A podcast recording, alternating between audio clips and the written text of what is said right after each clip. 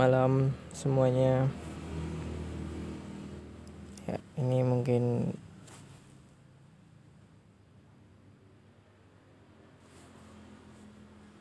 mungkin rekaman pertama gua sendiri. Karena selama ini gue selalu bikin podcast itu berdua tapi karena sekarang nggak ada lagi temen yang mau diajak bikin karena jauh-jauhan terus kita belum tahu belum pernah nyoba juga sih pakai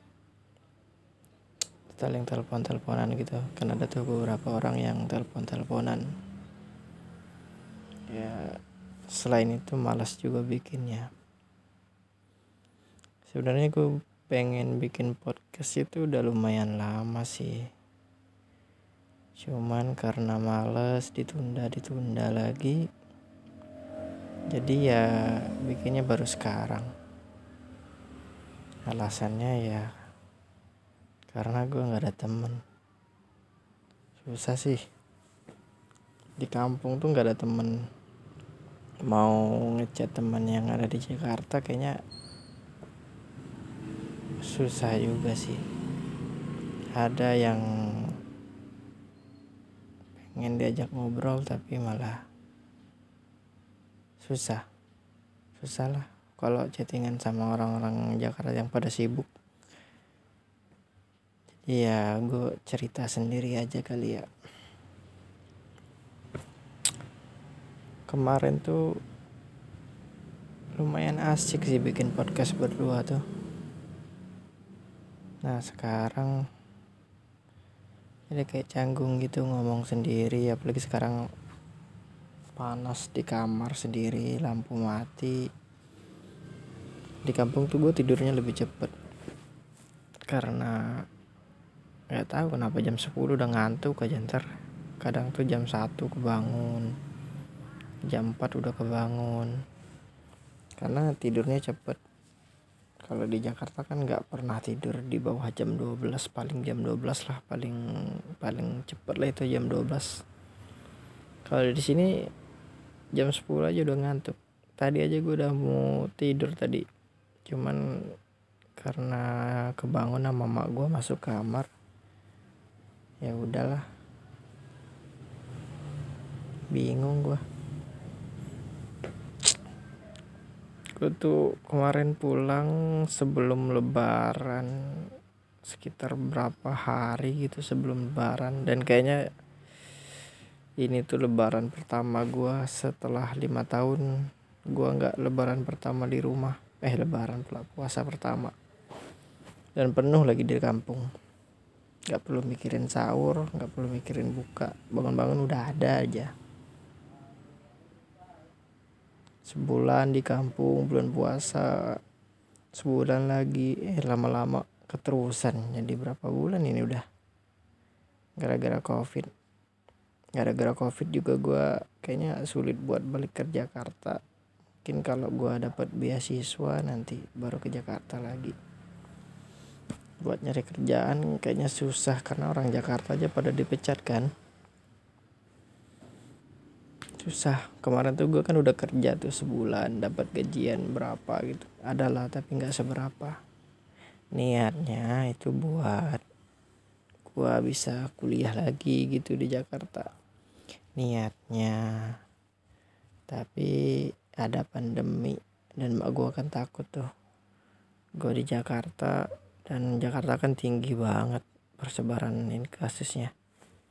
Mau gue takut suruh pulang gue pulang sama ada alasan lain. Karena kan PSBB tuh. Jadi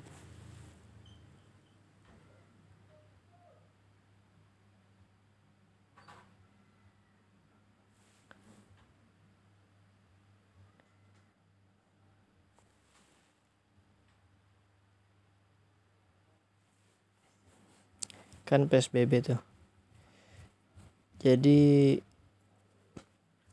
gue baca berita kan katanya PSBB itu nggak boleh kantor itu nggak boleh kerja nggak boleh buka kecuali beberapa kantor pemerintahan dan kantor-kantor tertentu aja.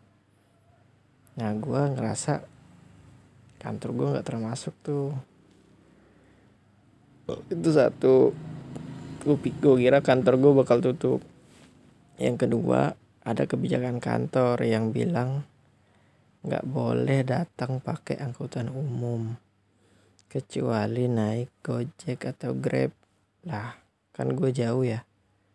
Kalau naik angkutan umum tuh jauh lebih irit. Bayangin aja naik TJ itu cuma 3500 pulang perginya cuma 7000 buat makan malam sama cemilan paling pokoknya habis lah 25000 nah itu kalau naik TJ sekalian makan. Nah kalau naik ojek online tuh bisa seratus ribu atau lebih lah dalam semalam. Itu bayangin aja gaji gue aja nggak nyampe segitu kan sehari. Jadi gue pikir-pikir ini mah bukannya untung malah rugi. Ya udah gue pulang gue tinggalin tuh kerjaan nggak tahu nggak tahu sekarang gimana. Karena ya udahlah nggak pernah di email juga buat dipecat atau enggak gue tinggalin aja udah. Ada juga tuh temen gue beberapa orang tuh ninggalin juga. Dia lebih awal malah baru-baru covid banget itu dia udah ninggalin kerjaannya. Mungkin karena gajinya kecil juga kali. Pulanglah gue ke sini nganggur jadi pengangguran kerjaan paling bantuin bapak gue manen sawit. Kemarin gue bantuin nanam sawit. Jadi ada lahan yang udah lama banget. Kayaknya udah lama banget tuh bapak gue ngambilnya. Ditanam pinang gagal. Karena kalau musim hujan banjir kan. Jadi gagal cuman beberapa doang beberapa batang doang yang hidup. Sekarang tanam sawit karena dia mungkin kayaknya udah punya modal gitu dibikin saluran air. Jadi bikin paret gitu. Lumayan banyak sih paretnya. Gue sih mikirnya kayaknya itu bagus dibikin buat kolam ikan gitu deh. Cuman katanya kalau musim kemarau airnya hilang. Airnya pada ini pada habis pada kering airnya. Cuman ada beberapa genangan air doang bersisa. Jadi ya gitulah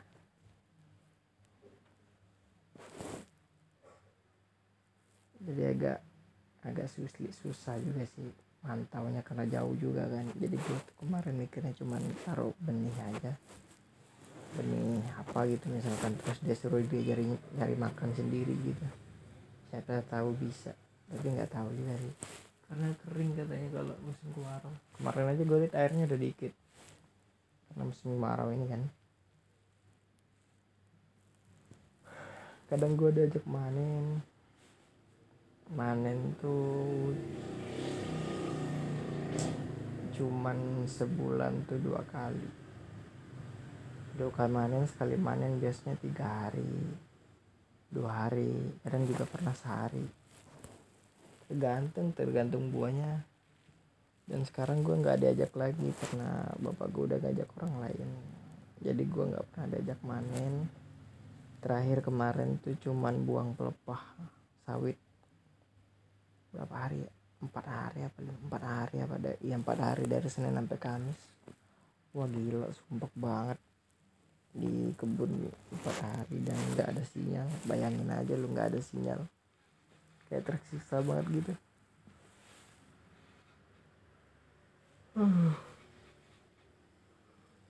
Tapi untungnya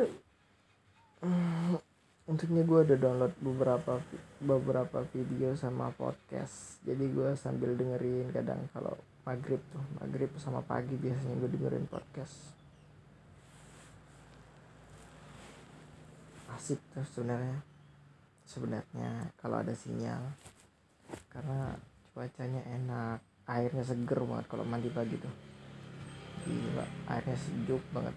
Terus udaranya juga adem nggak pernah panas kalau malam. Kalau di kampung tuh panas cuy malam-malam. Tahu deh kenapa. Panas banget kalau malam di kampung gua. Padahal sebenarnya cuacanya di luar dingin. Kayaknya rumahnya aja deh ada yang masalah sama di rumah bangunannya.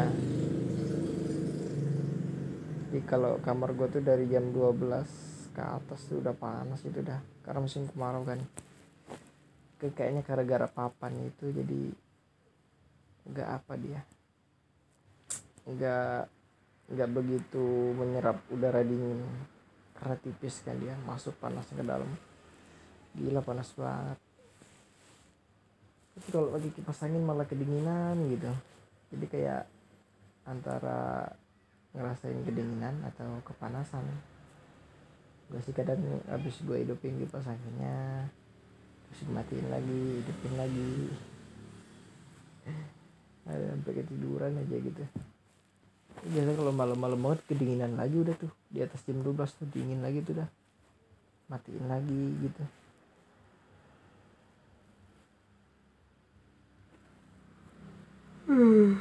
Lagi ke kebun gue nggak ngapa-ngapain lagi. Ribet. Bingung gue di kampung tuh mau ngapain ke Jakarta juga ngapain? Pengennya sih ada. Jadi gue kayak pengen bikin kolam ikan gitu di belakang rumah. Yang kecil aja. Tapi nggak tahu kenapa gue susah banget pengen bilang ke orang tua itu. Kayak ngeri gitu. Kayak ada ancaman gitu. Nggak tahu kenapa. Karena dia ngiranya gue masih mau lanjut kuliah bener sih gue emang pengen lanjut kuliah cuman kayak ngerasa ada yang salah dari cara gue ngelanjut kuliah itu. Karena kalau masih dibiayain orang tua itu gue takut nggak berhasil lah apalah karena biayanya gede kan buat S2 nah gue tuh pengennya kalau kayak kemarin tuh uh, biayanya setidaknya gue ada gitu penghasilan. Terus gue ngerasa ada yang kurang gitu kalau nggak lanjut langsung lanjut ya.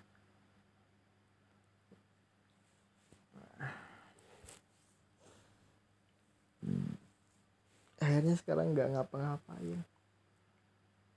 Tadi tuh gue diajak nyari kerbau nyari jawi sapi nyari sapi. Jadi kemarin tuh beberapa hari yang lalu ada temen bapak gua datang nyamperin ngasih tahu sapi bapak gua tuh kena perangkap orang. Tapi perangkapnya putus. Sekarang tali apa besi kawat baja itu. Kawat baja itu ini yang kelilit di kakinya jadi luka gitu kan. Jadi harus dilepas bajanya. Nah kemarin bapak gua nih ngelepas tuh kawat bajanya tapi dengan cara dibius. Jawinya dibius ditembakkan tembak bius. Terus baru dilepas kawat bajanya ditungguin tuh jawinya sampai ini sampai apa namanya? Sampai bangun lagi. Malam tuh gua nungguin. Apa gua dari siang nungguin tuh nungguin biusnya ini kan. Biusnya hilang. Terus pulang dia pulang. Biusnya belum hilang tuh malam dia ajaknya malamnya itu udah ajak gua ke ini ke ke perkebunan sawit buat nungguin lagi. Baru tuh ini dia pulih dia dari bius kabur dia. Nah tadi pagi niatnya pengen lihat lagi kan eh nggak nemu. Baru diajak gua. Gua udah sampai nyasar lagi tadi tuh di kebun sawit orang. Nggak nemu juga. Nemu sih nah, jauh sapi orang lain tapi bukan sapi bapak gua. Habis itu pas gua disuruh pulang duluan eh ternyata bapak gua nemu ternyata setelahnya udah gabung lagi sama rombongannya. Emang gitu. Jawi apa sapi cara ternak sapi di sini tuh emang sapinya dilepas gitu kan. Jadi peternak sapi itu dia nggak perlu jagain sapinya secara 24 jam gitu. Sapinya dilepas aja di perkebunan sawit orang. Dia nyari makan sendiri nyari minum sendiri. Dan pemilik sapinya cuman perlu jenguk uh, sebulan sekali atau seminggu sekali ini bapak gue baru ketemu lagi sapinya udah kemarin beberapa, berapa kali gue nemenin nggak nemu nemu waktu dia nyari. Karena kan kebun sawit kan luas kan. Dilepas saja terus sapinya ke mana gitu. Kita kan nggak tahu ke mana dia. Nah. Uh, kadang ada yang nyuri juga kan. Itu perangkapnya itu orang mau nyuri tuh diperangkap gitu. Karena kan kalau mau ditangkap langsung liar kan. Orang pemiliknya aja nggak bisa deketin. Karena sapinya liar. Nah orang biasanya diperangkap. Dibikin perangkap pakai tali. Nah beruntungnya talinya lepas nih. Mungkin putus atau gimana gitu. Jadi dia nggak ini masih bisa keluar. Masih bisa ke mana-mana gitu. Nggak nggak terperangkap dia nah ada orang yang lihat tuh di, dibilang sama ke bapak gue kemarin buat dibetulin. Macem-macem lah cara orang nyurinya. Ada yang dibius tapi dibius jarang juga sih. Karena berat kan kalau mau diangkat. Kalau ke perangkap bisa dideketin. Sama kerbau juga gitu. Dilepas aja tapi kalau kerbau yang di kampung yang di kandang-kandang gitu dia nggak dilepas gitu aja. Kalau musim sekarang kan lagi musim padi tuh. Orang nanam padi jadi kerbaunya pada ditangkap. Nggak boleh masuk ini nggak masuk sawah karena kan rusak padinya kalau masuk sawah. Itu investasi bapak gua tuh. Karena bapak gua cuma modal beli satu sapi dilepas masukin rombongan kan salah satu rombongan sapi dimasukin di situ.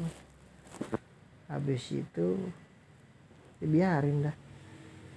Dia nggak perlu lagi nyari makan nggak perlu nyari obat nggak perlu nyari air pokoknya nggak ada dipiarain dilepas aja. Tiba-tiba beranak aja sapi.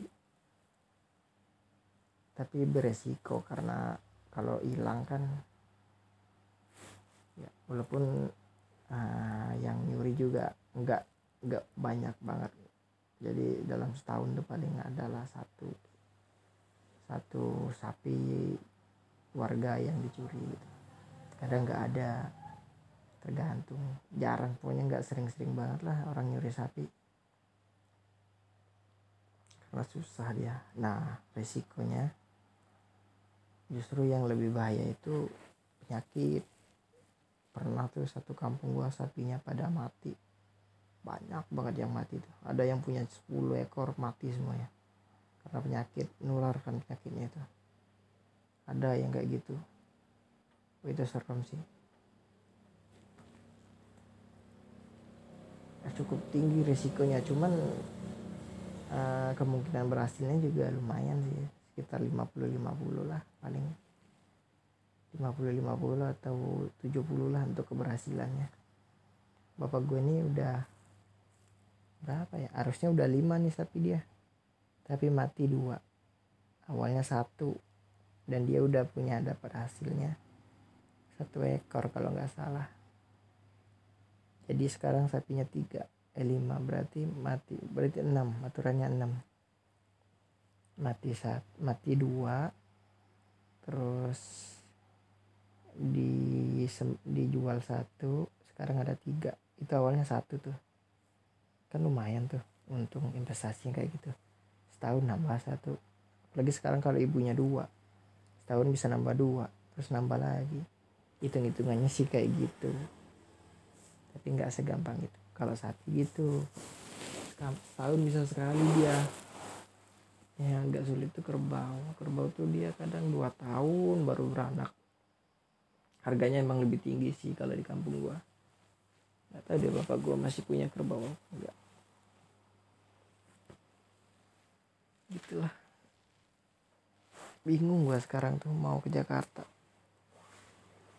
Kayaknya gue harus bikin usaha di sini terus kalau untung-untung dapat lanjut kuliah tuh ya beasiswa gitu.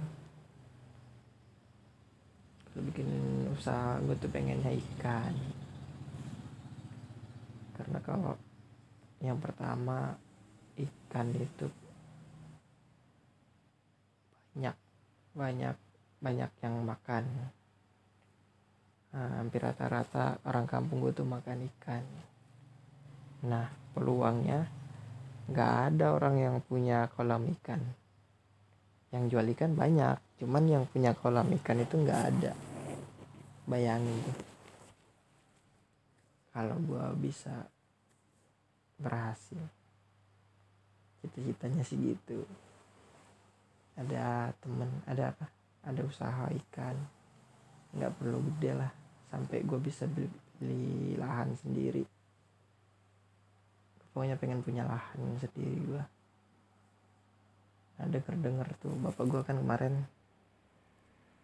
uh, dapat kabar dari temennya buat nanam apa nanam jernang. Nanam jernang tuh jernang tuh kayak rotan. Terus ada buahnya gitu. Buahnya itu itu yang dijual. Kulitnya juga laku isinya laku harganya tinggi banget. Bisa 300 ribu sekilo. Pengen nanam itu kalau ada lahan. Makanya lahannya lahan karet. Doain aja lah. Semoga bisa gitu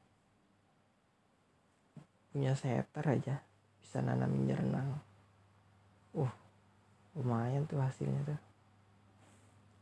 Pengennya sih gitu. Pengen aja dulu semoga aja Tuhan dikabulkan sama Allah subhanahu wa ta'ala.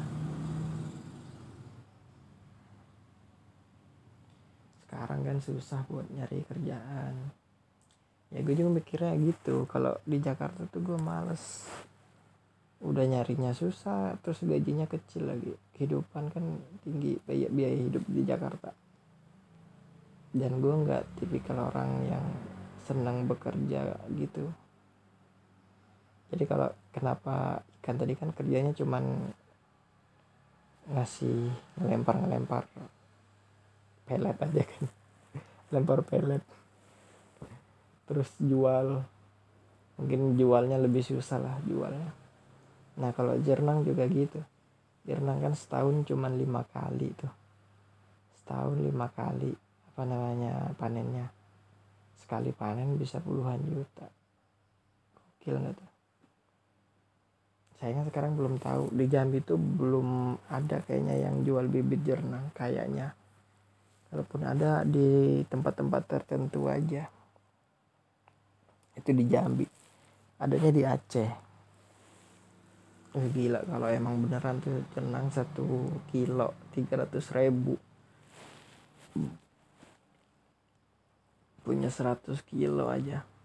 100 kilo kali 300 berapa duitnya itu coba? 30 juta. Kali 5 15 juta. 150 juta satu tahun. Gokil nggak tuh eh? 300 juta satu tahun itu ngalahin gaji PNS sudah itu. Kerjanya cuma lima kali dalam satu tahun. Bayangin enak gitu aduh penghayal emang. Tapi nggak apa-apa lah. Karena ini hayalnya masih kayaknya nggak jauh-jauh banget. Masih jelas gitu. Masih dekat lah. Apalagi kalau udah terbukti kan. Nggak tahu nih bapak gue jadi apa nggak beli jernang karena di kampung ini baru ada satu orang tuh yang nanam bapak gue dari dia tuh dikasih tahu.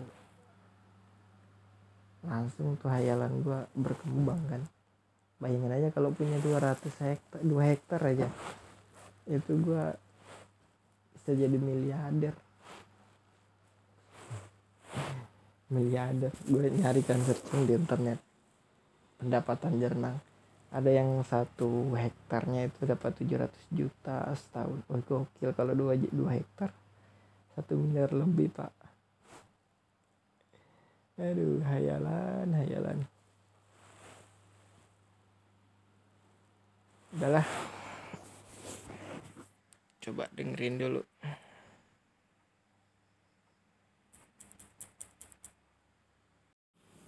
hmm. malam semuanya. Ya ini mungkin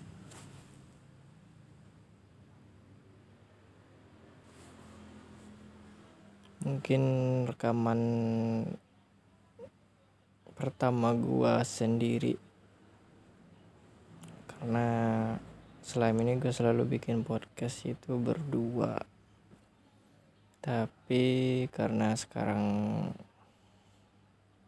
nggak ada lagi temen yang mau diajak bikin karena jauh-jauhan. Terus kita belum tahu belum pernah nyoba juga sih pakai saling telepon-teleponan gitu. Kan ada tuh beberapa orang yang telepon-teleponan. Ya selain itu malas juga bikinnya. Sebenarnya gue pengen bikin podcast itu udah lumayan lama sih cuman karena males ditunda ditunda lagi jadi ya bikinnya baru sekarang. Alasannya ya karena gue nggak ada temen. Susah sih. Di kampung tuh nggak ada temen. Mau ngechat teman yang ada di Jakarta kayaknya susah juga sih. Ada yang pengen diajak ngobrol tapi malah susah susah lah kalau chattingan sama orang-orang Jakarta yang pada sibuk Iya, gue cerita sendiri aja kali ya. Kemarin tuh lumayan asik sih bikin podcast berdua tuh. Nah sekarang jadi kayak canggung gitu ngomong sendiri apalagi sekarang panas di kamar sendiri lampu mati. Di kampung tuh gue tidurnya lebih cepet. Karena nggak tahu kenapa jam 10 udah ngantuk aja ntar. Kadang tuh jam 1 kebangun jam 4 udah kebangun. Karena tidurnya cepet kalau di Jakarta kan nggak pernah tidur di bawah jam 12 paling jam 12 lah paling paling cepet lah itu jam 12 kalau di sini jam 10 aja udah ngantuk. Tadi aja gue udah mau tidur tadi. Cuman karena kebangun sama mak gue masuk kamar ya udahlah. Bingung gua gue tuh kemarin pulang sebelum lebaran sekitar berapa hari gitu sebelum lebaran. Dan kayaknya ini tuh lebaran pertama gua setelah lima tahun gua nggak lebaran pertama di rumah. Eh lebaran puasa pertama. Dan penuh lagi di kampung. Nggak perlu mikirin sahur nggak perlu mikirin buka. Bangun-bangun udah ada aja sebulan di kampung bulan puasa sebulan lagi. Eh lama-lama keterusan. Jadi berapa bulan ini udah? Gara-gara covid. Gara-gara covid juga gue kayaknya sulit buat balik ke Jakarta. Mungkin kalau gue dapat beasiswa nanti baru ke Jakarta lagi. Buat nyari kerjaan kayaknya susah karena orang Jakarta aja pada dipecat kan susah. Kemarin tuh gue kan udah kerja tuh sebulan dapat gajian berapa gitu. Adalah tapi nggak seberapa.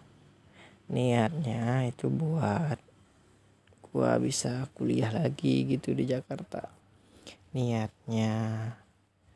Tapi ada pandemi dan mak gue kan takut tuh.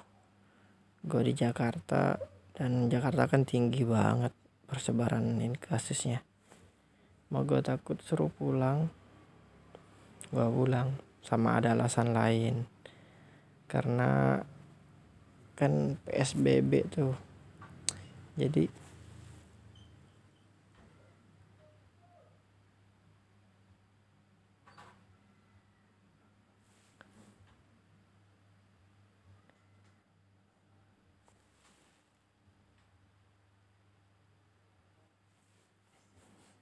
kan PSBB tuh jadi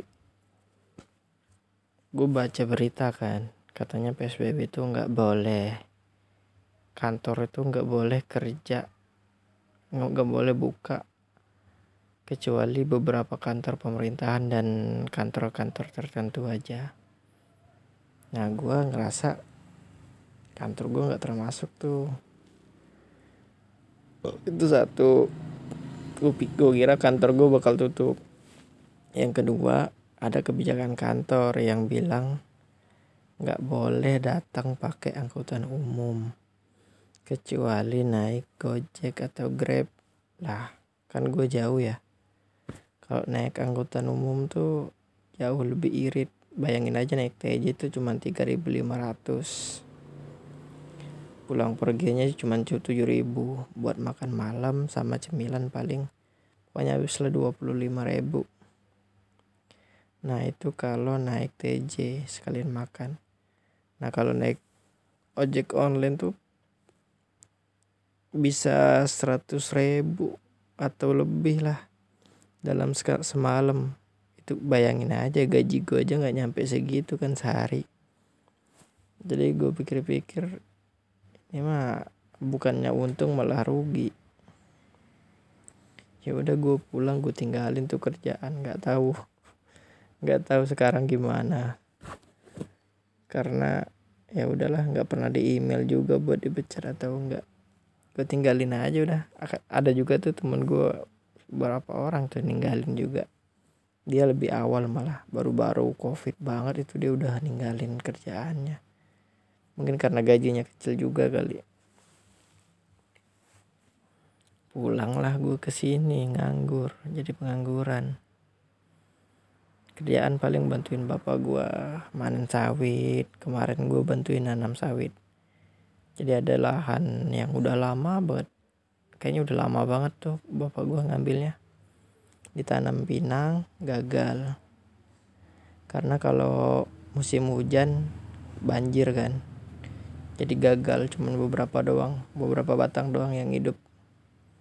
Sekarang tanam sawit karena dia mungkin kayaknya udah punya modal gitu dibikin saluran air. Jadi bikin paret gitu. Lumayan banyak sih paretnya. Gue sih mikirnya kayaknya itu bagus dibikin buat kolam ikan gitu deh. Cuman katanya kalau musim kemarau airnya hilang. Airnya pada ini pada habis pada kering airnya. Cuman ada beberapa genangan air doang yang bersisa. Jadi ya gitulah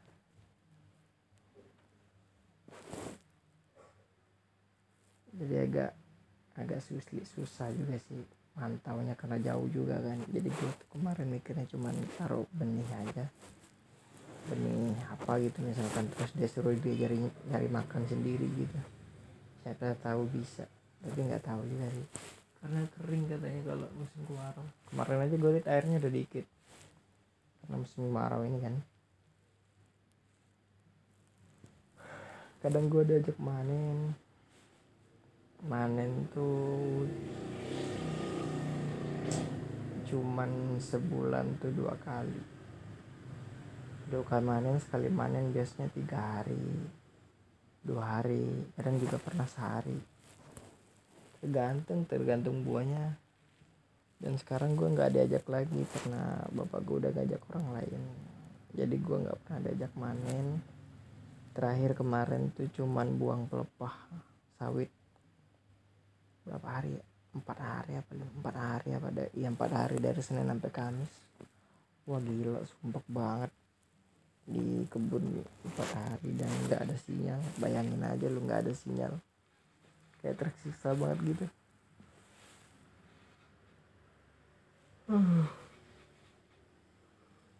Tapi untungnya untuknya gue ada download beberapa beberapa video sama podcast. Jadi gue sambil dengerin kadang kalau maghrib tuh maghrib sama pagi biasanya gue dengerin podcast.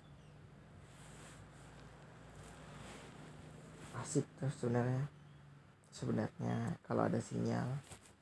Karena cuacanya enak airnya seger banget kalau mandi pagi tuh. Gila airnya sejuk banget. Terus udaranya juga adem nggak pernah panas kalau malam. Kalau di kampung tuh panas cuy malam-malam. Tahu deh kenapa? Panas banget kalau malam di kampung gua. Padahal sebenarnya cuacanya di luar dingin. Kayaknya rumahnya aja deh ada yang masalah sama di rumah bangunannya. Jadi kalau kamar gue tuh dari jam 12 ke atas tuh udah panas itu dah. Karena musim kemarau kan kayaknya gara-gara papan itu jadi nggak apa dia. Nggak nggak begitu menyerap udara dingin. Karena tipis kan dia masuk panas ke dalam. Gila panas banget. Tapi kalau lagi kipas angin malah kedinginan gitu. Jadi kayak antara ngerasain kedinginan atau kepanasan. Gue sih kadang habis gue hidupin kipas anginnya terus matiin lagi hidupin lagi. Ada sampai ketiduran aja gitu. Biasa kalau malam-malam banget kedinginan lagi udah tuh. Di atas jam 12 tuh dingin lagi tuh dah. Matiin lagi gitu.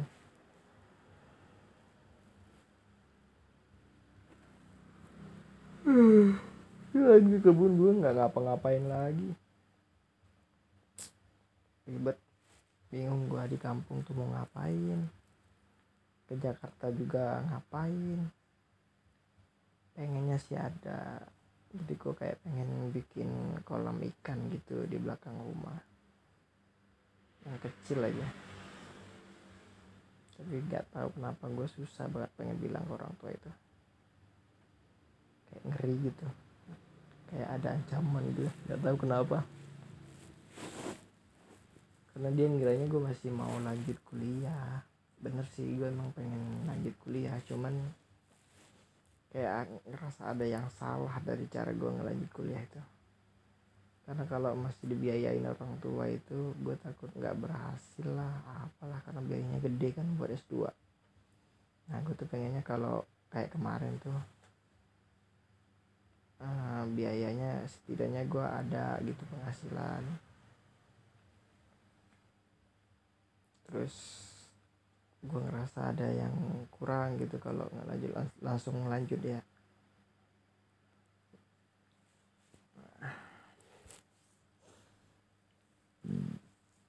Akhirnya sekarang nggak ngapa-ngapain. Tadi tuh gue diajak nyari kerbau nyari jawi sapi nyari sapi.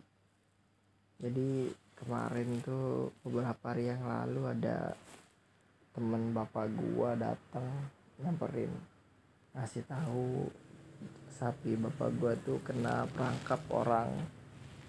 Tapi perangkapnya putus.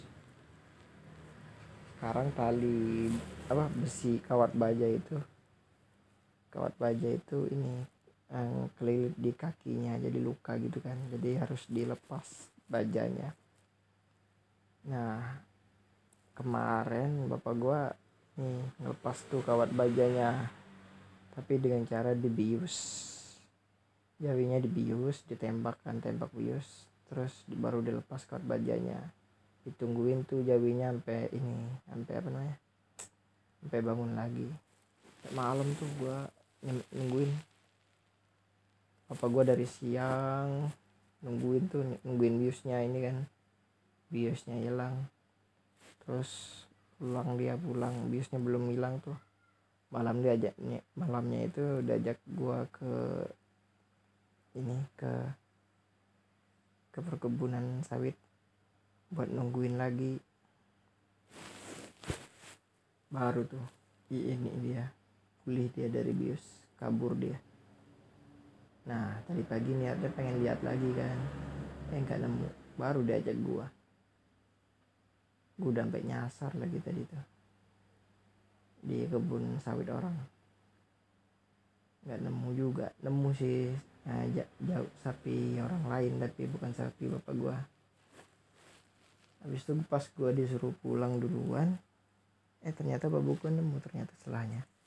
Udah gabung lagi sama rombongannya.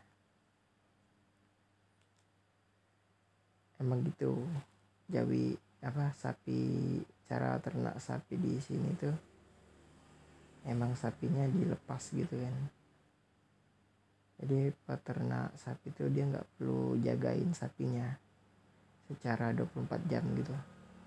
Sapinya dilepas aja di perkebunan sawit orang. Dia nyari makan sendiri nyari minum sendiri. Dan pemilik sapinya cuman perlu jenguk uh, sebulan sekali atau seminggu sekali ini bapak gue baru ketemu lagi sapinya udah kemarin beberapa, berapa kali gue nemenin nggak nemu nemu waktu dia nyari. Karena kan kebun sawit kan luas kan dilepas saja terus sapinya ke mana gitu. Kita kan nggak tahu ke mana dia. Nah. Uh, kadang ada yang nyuri juga kan. Itu perangkapnya itu orang mau nyuri tuh diperangkap gitu. Karena kan kalau mau ditangkap langsung liar kan. Orang pemiliknya aja nggak bisa deketin. Karena sapinya liar. Nah orang biasanya diperangkap. Dibikin perangkap pakai tali. Nah beruntungnya talinya lepas nih. Mungkin putus atau gimana gitu. Jadi dia nggak ini masih bisa keluar. Masih bisa ke mana-mana gitu. Nggak nggak terperangkap dia nah ada orang yang lihat tuh di, dibilang sama ke bapak gua kemarin buat dibetulin. Macem-macem lah cara orang nyurinya. Ada yang dibius tapi dibius jarang juga sih. Karena berat kan kalau mau diangkat. Kalau ke perangkap bisa dideketin. Sama kerbau juga gitu. Dilepas aja tapi kalau kerbau yang di kampung yang di kandang-kandang gitu dia nggak dilepas gitu aja. Kalau musim sekarang kan lagi musim padi tuh. Orang nanam padi jadi kerbaunya pada ditangkap. Nggak boleh masuk ini nggak masuk sawah karena kan rusak padinya kalau masuk sawah. Itu investasi bapak gua tuh. Karena bapak gua cuma modal beli satu sapi dilepas masukin rombongan kan salah satu rombongan sapi dimasukin di situ. Habis itu dibiarin dah. Dia nggak perlu lagi nyari makan nggak perlu nyari obat nggak perlu nyari air pokoknya nggak ada dipiarain dilepas aja. Tiba-tiba beranak aja sapi. Tapi beresiko karena kalau hilang kan ya walaupun uh, yang nyuri juga nggak nggak banyak banget jadi dalam setahun itu paling adalah satu satu sapi warga yang dicuri gitu. kadang nggak ada tergantung. Jarang pokoknya nggak sering-sering banget lah orang nyuri sapi. Karena susah dia. Nah resikonya justru yang lebih bahaya itu penyakit. Pernah tuh satu kampung gua sapinya pada mati banyak banget yang mati tuh ada yang punya 10 ekor mati semuanya. Karena penyakit nularkan penyakitnya itu. Ada yang kayak gitu. Oh, itu serem sih. Ya, cukup tinggi resikonya. Cuman uh, kemungkinan berhasilnya juga lumayan sih. Sekitar 50-50 lah paling. 50-50 atau 70 lah untuk keberhasilannya. Bapak gue ini udah berapa ya? Harusnya udah lima nih sapi dia. Tapi mati dua. Awalnya satu. Dan dia udah punya dapat hasilnya. Satu ekor kalau nggak salah. Jadi sekarang sapinya tiga. Eh lima. Berarti mati berarti enam. Aturannya enam. Mati saat mati dua. Terus di dijual satu. Sekarang ada tiga. Itu awalnya satu tuh kan lumayan tuh untung investasi kayak gitu.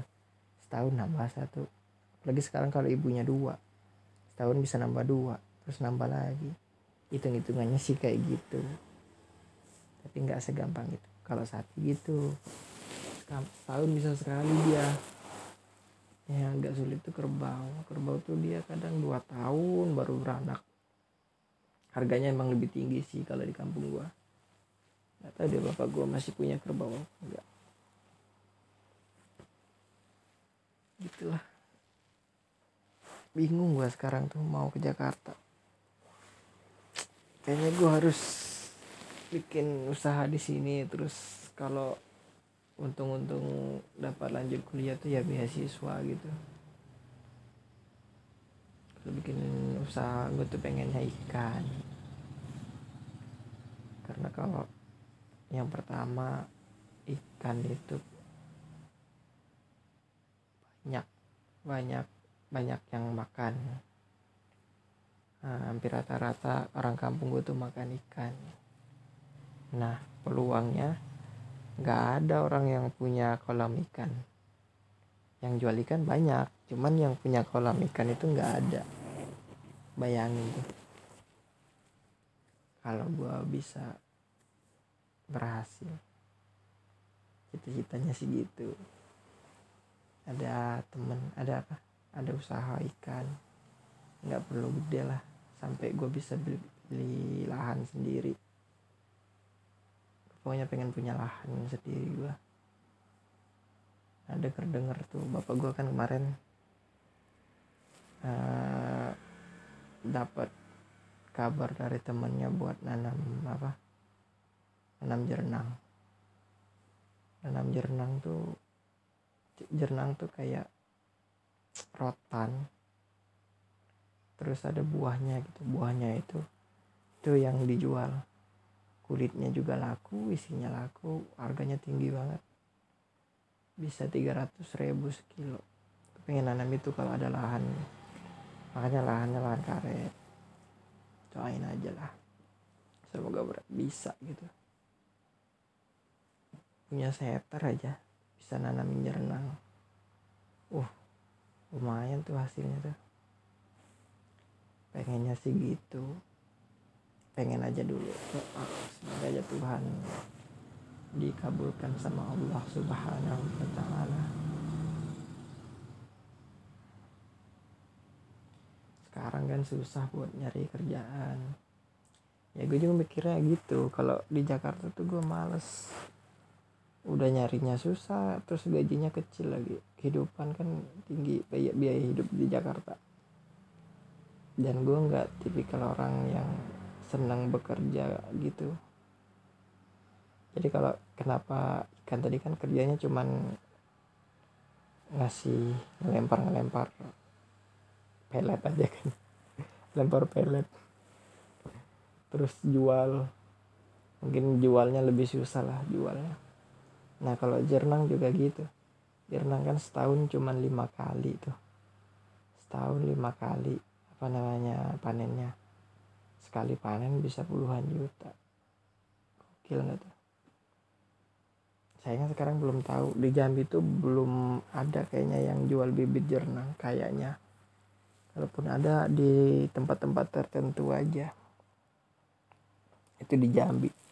Adanya di Aceh eh, gila. Kalau emang beneran tuh tenang satu kilo tiga ratus ribu. Punya 100 kilo aja. 100 kilo kali 300 berapa duitnya itu coba? 30 juta. Kali 5 15 juta. 150 juta satu tahun. Gokil nggak tuh eh? 300 juta satu tahun itu ngalahin gaji PNS sudah itu. Kerjanya cuma lima kali dalam satu tahun. Bayangin enak tuh? Aduh penghayal emang. Tapi nggak apa-apa lah. Karena ini hayalnya masih kayaknya nggak jauh-jauh banget. Masih jelas gitu. Masih dekat lah. Apalagi kalau udah terbukti kan. Nggak tahu nih bapak gue jadi apa nggak beli Jirnang karena di kampung ini baru ada satu orang tuh yang nanam bapak gue dari dia tuh dikasih tahu. Langsung tuh hayalan gue berkembang kan. Bayangin aja kalau punya 200 hektar 2 hektar aja. Itu gue bisa jadi miliarder. Miliarder. Gue nyari kan searching di internet.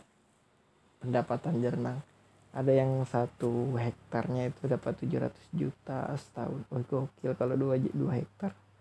Satu miliar lebih pak. Aduh hayalan hayalan. Udahlah. Coba dengerin dulu.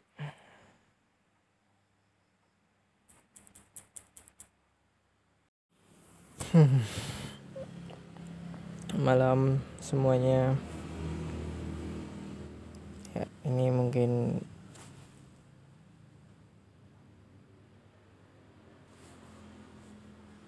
mungkin rekaman pertama gua sendiri. Karena selama ini gue selalu bikin podcast itu berdua. Tapi karena sekarang nggak ada lagi temen yang mau diajak bikin karena jauh-jauhan. Terus kita belum tahu belum pernah nyoba juga sih pakai saling telepon-teleponan gitu. Kan ada tuh beberapa orang yang telepon-teleponan. Ya selain itu malas juga bikinnya. Sebenarnya gue pengen bikin podcast itu udah lumayan lama sih cuman karena males ditunda ditunda lagi. Jadi ya bikinnya baru sekarang. Alasannya ya karena gue nggak ada temen. Susah sih. Di kampung tuh nggak ada temen. Mau ngechat teman yang ada di Jakarta kayaknya susah juga sih. Ada yang pengen diajak ngobrol tapi malah susah susah lah kalau chattingan sama orang-orang Jakarta yang pada sibuk Iya, gue cerita sendiri aja kali ya. Kemarin tuh lumayan asik sih bikin podcast berdua tuh. Nah sekarang jadi kayak canggung gitu ngomong sendiri apalagi sekarang panas di kamar sendiri lampu mati. Di kampung tuh gue tidurnya lebih cepet. Karena nggak tahu kenapa jam 10 udah ngantuk aja ntar. Kadang tuh jam 1 kebangun jam 4 udah kebangun. Karena tidurnya cepet kalau di Jakarta kan nggak pernah tidur di bawah jam 12 paling jam 12 lah paling paling cepet lah itu jam 12 kalau di sini jam 10 aja udah ngantuk. Tadi aja gue udah mau tidur tadi. Cuman karena kebangun sama mak gue masuk kamar ya udahlah. Bingung gua gue tuh kemarin pulang sebelum lebaran sekitar berapa hari gitu sebelum lebaran. Dan kayaknya ini tuh lebaran pertama gua setelah lima tahun. Gua nggak lebaran pertama di rumah. Eh lebaran puasa pertama. Dan penuh lagi di kampung. Nggak perlu mikirin sahur nggak perlu mikirin buka. Bangun-bangun udah ada aja sebulan di kampung bulan puasa. Sebulan lagi. Eh lama-lama keterusan. Jadi berapa bulan ini udah? Gara-gara covid. Gara-gara covid juga gue kayaknya sulit buat balik ke Jakarta. Mungkin kalau gue dapat beasiswa nanti baru ke Jakarta lagi. Buat nyari kerjaan kayaknya susah karena orang Jakarta aja pada dipecat kan susah. Kemarin tuh gue kan udah kerja tuh sebulan dapat gajian berapa gitu. Adalah tapi nggak seberapa. Niatnya itu buat gue bisa kuliah lagi gitu di Jakarta. Niatnya. Tapi ada pandemi dan mak gue kan takut tuh. Gue di Jakarta dan Jakarta kan tinggi banget persebaran ini kasusnya. Mau gue takut suruh pulang gue pulang sama ada alasan lain. Karena kan PSBB tuh. Jadi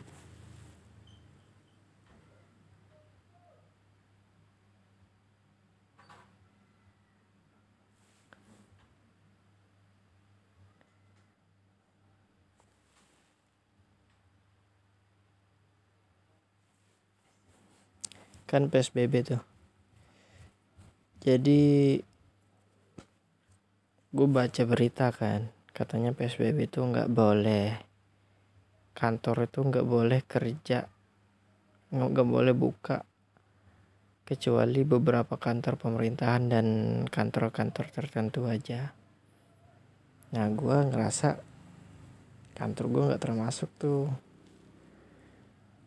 Itu satu gue kira kantor gue bakal tutup yang kedua ada kebijakan kantor yang bilang nggak boleh datang pakai angkutan umum kecuali naik gojek atau grab. Lah kan gue jauh ya. Kalau naik angkutan umum tuh jauh lebih irit. Bayangin aja naik TJ itu cuma 3500 pulang perginya cuma tujuh ribu. Buat makan malam sama cemilan paling pokoknya habis lah dua puluh lima ribu nah itu kalau naik TJ sekalian makan. Nah kalau naik ojek online tuh bisa seratus ribu atau lebih lah dalam semalam. Itu bayangin aja gaji gue aja nggak nyampe segitu kan sehari. Jadi gue pikir-pikir ini mah bukannya untung malah rugi. Ya udah gue pulang gue tinggalin tuh kerjaan nggak tahu nggak tahu sekarang gimana. Karena ya udahlah nggak pernah di email juga buat dipecat atau enggak gue tinggalin aja udah. Ada juga tuh temen gue beberapa orang tuh ninggalin juga. Dia lebih awal malah baru-baru covid banget itu dia udah ninggalin kerjaannya. Mungkin karena gajinya kecil juga kali. Pulanglah gue ke sini nganggur jadi pengangguran kerjaan paling bantuin bapak gue manen sawit kemarin gue bantuin nanam sawit. Jadi ada lahan yang udah lama banget kayaknya udah lama banget tuh bapak gue ngambilnya. Ditanam pinang gagal. Karena kalau musim hujan banjir kan. Jadi gagal cuman beberapa doang beberapa batang doang yang hidup. Sekarang tanam sawit karena dia mungkin kayaknya udah punya modal gitu dibikin saluran air. Jadi bikin paret gitu. Lumayan banyak sih paretnya. Gue sih mikirnya kayaknya itu bagus dibikin buat kolam ikan gitu deh. Cuman katanya kalau musim kemarau airnya hilang. Airnya pada ini pada habis pada kering airnya. Cuman ada beberapa genangan air doang yang bersisa. Jadi ya gitulah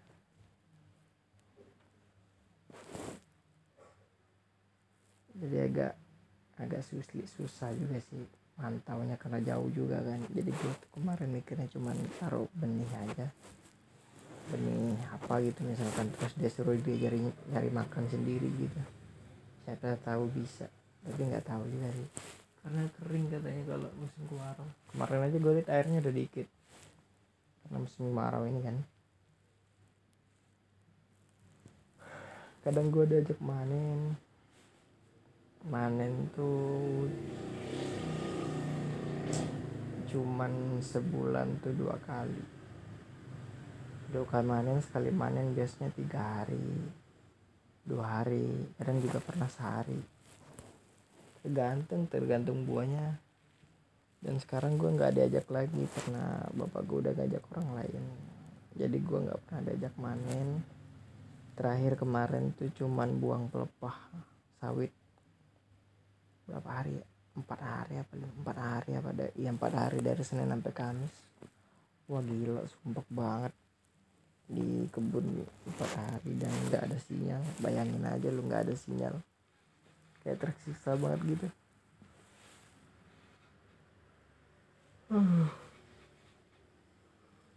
Tapi untungnya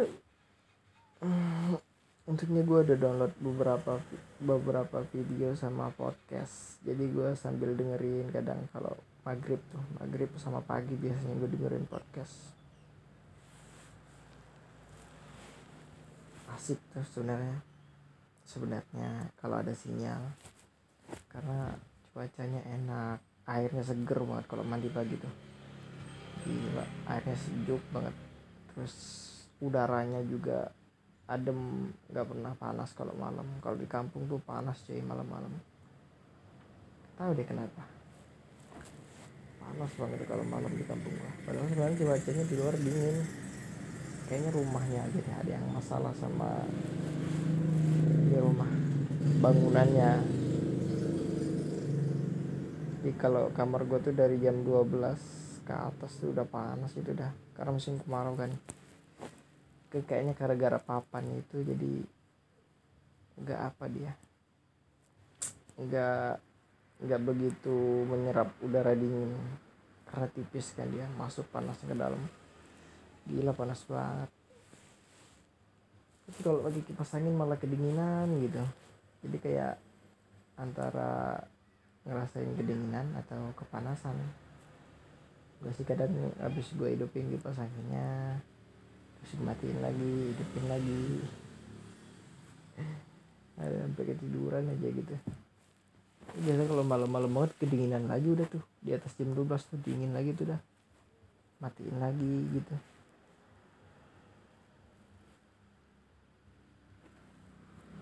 Hmm. lagi kebun gue nggak ngapa-ngapain lagi. Ribet. Bingung gue di kampung tuh mau ngapain ke Jakarta juga ngapain? Pengennya sih ada. Jadi gue kayak pengen bikin kolam ikan gitu di belakang rumah. Yang kecil aja. Tapi gak tahu kenapa gue susah banget pengen bilang ke orang tua itu. Kayak ngeri gitu. Kayak ada ancaman gitu. Gak tahu kenapa. Karena dia ngiranya gue masih mau lanjut kuliah bener sih gue emang pengen lanjut kuliah cuman kayak ngerasa ada yang salah dari cara gue ngelanjut kuliah itu.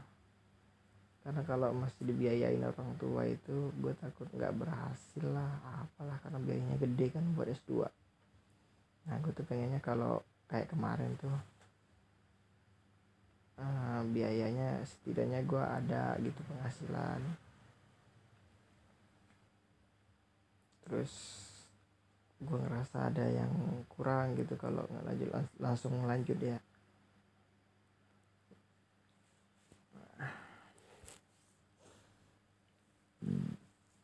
Akhirnya sekarang nggak ngapa-ngapain. Tadi tuh gue diajak nyari kerbau nyari jawi sapi nyari sapi. Jadi kemarin tuh beberapa hari yang lalu ada temen bapak gua datang nyamperin ngasih tahu sapi bapak gua tuh kena perangkap orang. Tapi perangkapnya putus. Sekarang tali apa besi kawat baja itu. Kawat baja itu ini yang kelilit di kakinya jadi luka gitu kan. Jadi harus dilepas bajanya. Nah kemarin bapak gua nih ngelepas tuh kawat bajanya tapi dengan cara dibius. Jawinya dibius ditembakkan tembak bius. Terus baru dilepas kawat bajanya ditungguin tuh jawinya sampai ini sampai apa namanya? Sampai bangun lagi. Malam tuh gua nungguin. Apa gua dari siang nungguin tuh nungguin biusnya ini kan. Biusnya hilang. Terus pulang dia pulang biusnya belum hilang tuh malam dia ajaknya malamnya itu diajak gua ke ini ke ke perkebunan sawit buat nungguin lagi. Baru tuh ini dia pulih dia dari bius kabur dia. Nah tadi pagi niatnya pengen lihat lagi kan eh nggak nemu baru diajak gua.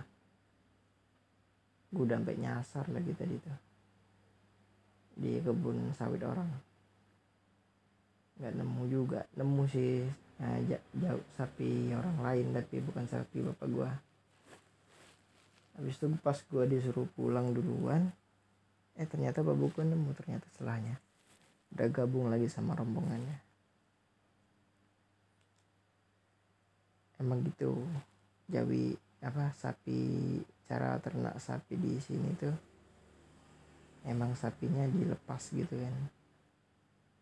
Jadi peternak sapi itu dia nggak perlu jagain sapinya secara 24 jam gitu. Sapinya dilepas aja di perkebunan sawit orang. Dia nyari makan sendiri nyari minum sendiri.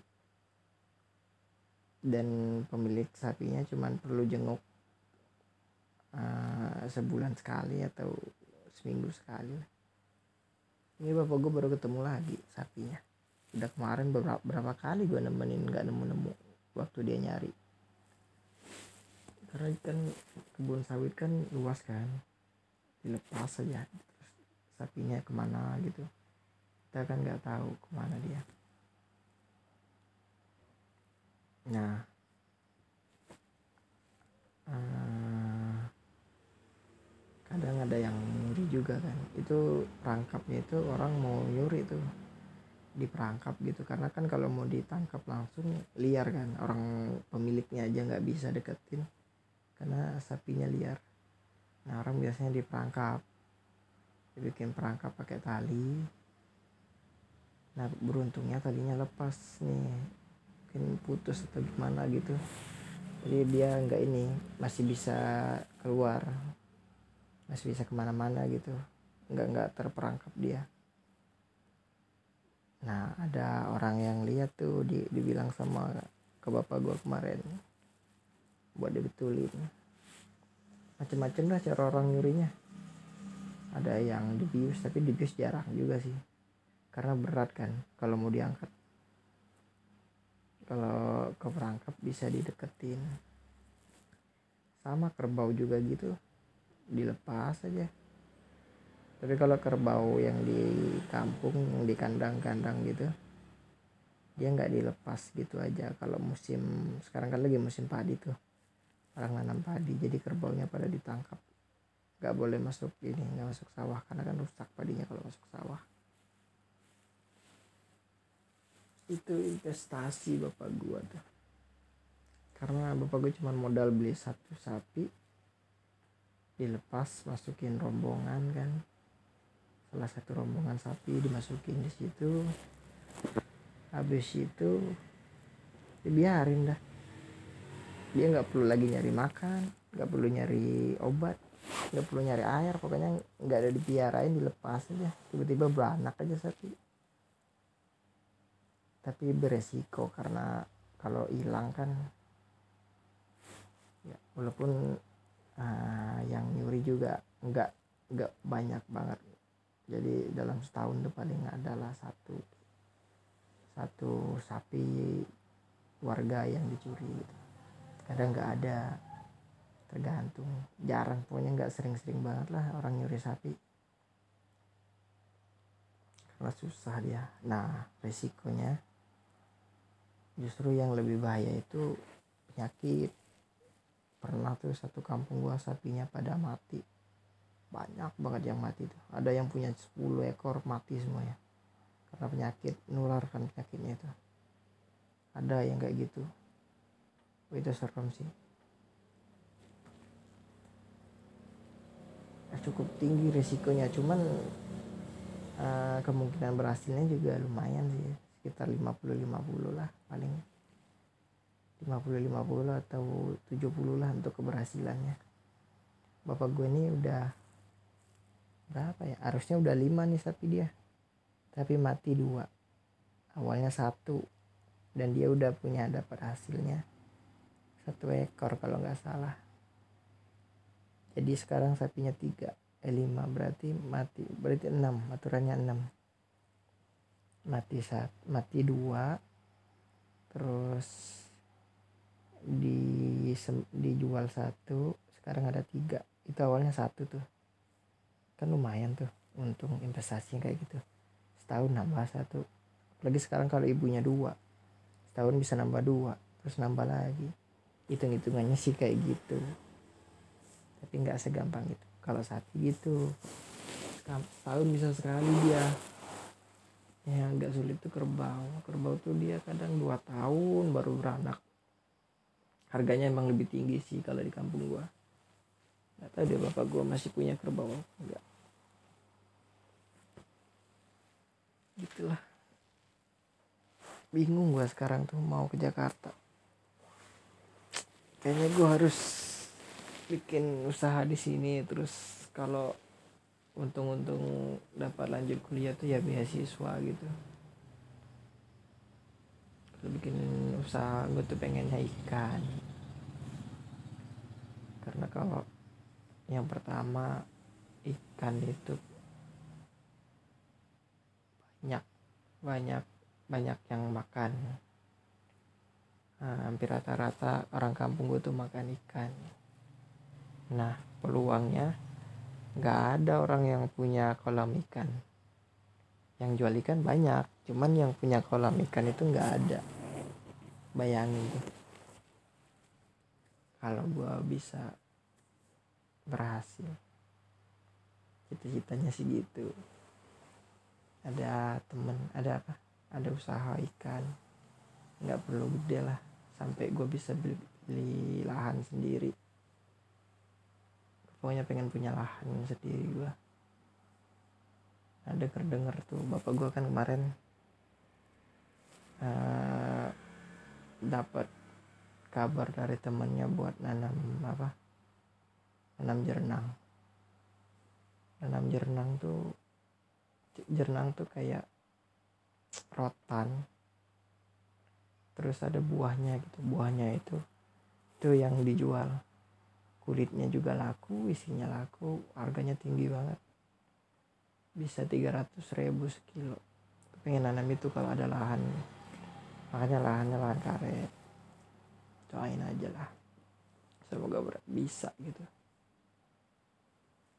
Punya seter aja bisa nanamin renang uh lumayan tuh hasilnya tuh pengennya sih gitu pengen aja dulu semoga aja Tuhan dikabulkan sama Allah Subhanahu wa taala. Sekarang kan susah buat nyari kerjaan. Ya gue juga mikirnya gitu. Kalau di Jakarta tuh gue males. Udah nyarinya susah, terus gajinya kecil lagi. Kehidupan kan tinggi biaya, biaya hidup di Jakarta. Dan gue nggak tipikal orang yang senang bekerja gitu. Jadi kalau kenapa ikan tadi kan kerjanya cuman ngasih ngelempar ngelempar pelet aja kan. Lempar pelet. Terus jual. Mungkin jualnya lebih susah lah jualnya nah kalau jernang juga gitu. Jernang kan setahun cuman lima kali tuh. Setahun lima kali apa namanya panennya. Sekali panen bisa puluhan juta. Gokil nggak tuh? Sayangnya sekarang belum tahu. Di Jambi itu belum ada kayaknya yang jual bibit jernang kayaknya. Kalaupun ada di tempat-tempat tertentu aja. Itu di Jambi. Adanya di Aceh oh, gila kalau emang beneran tuh jernang satu kilo tiga ratus ribu. Punya 100 kilo aja. 100 kilo kali 300 berapa duitnya itu coba? 30 juta.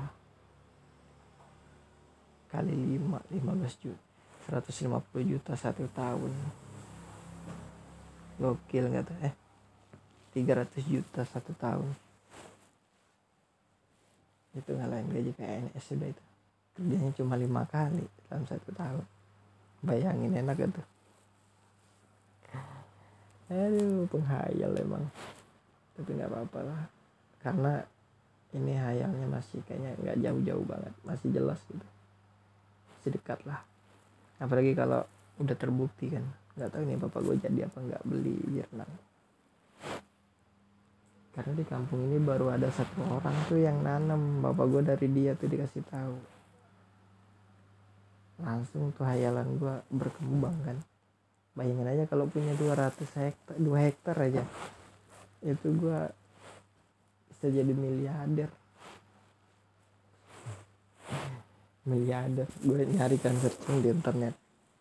Pendapatan jernang ada yang satu hektarnya itu dapat 700 juta setahun. Oh gokil. Kalau dua dua hektar satu miliar lebih pak. Aduh hayalan hayalan. Udahlah. Coba dengerin dulu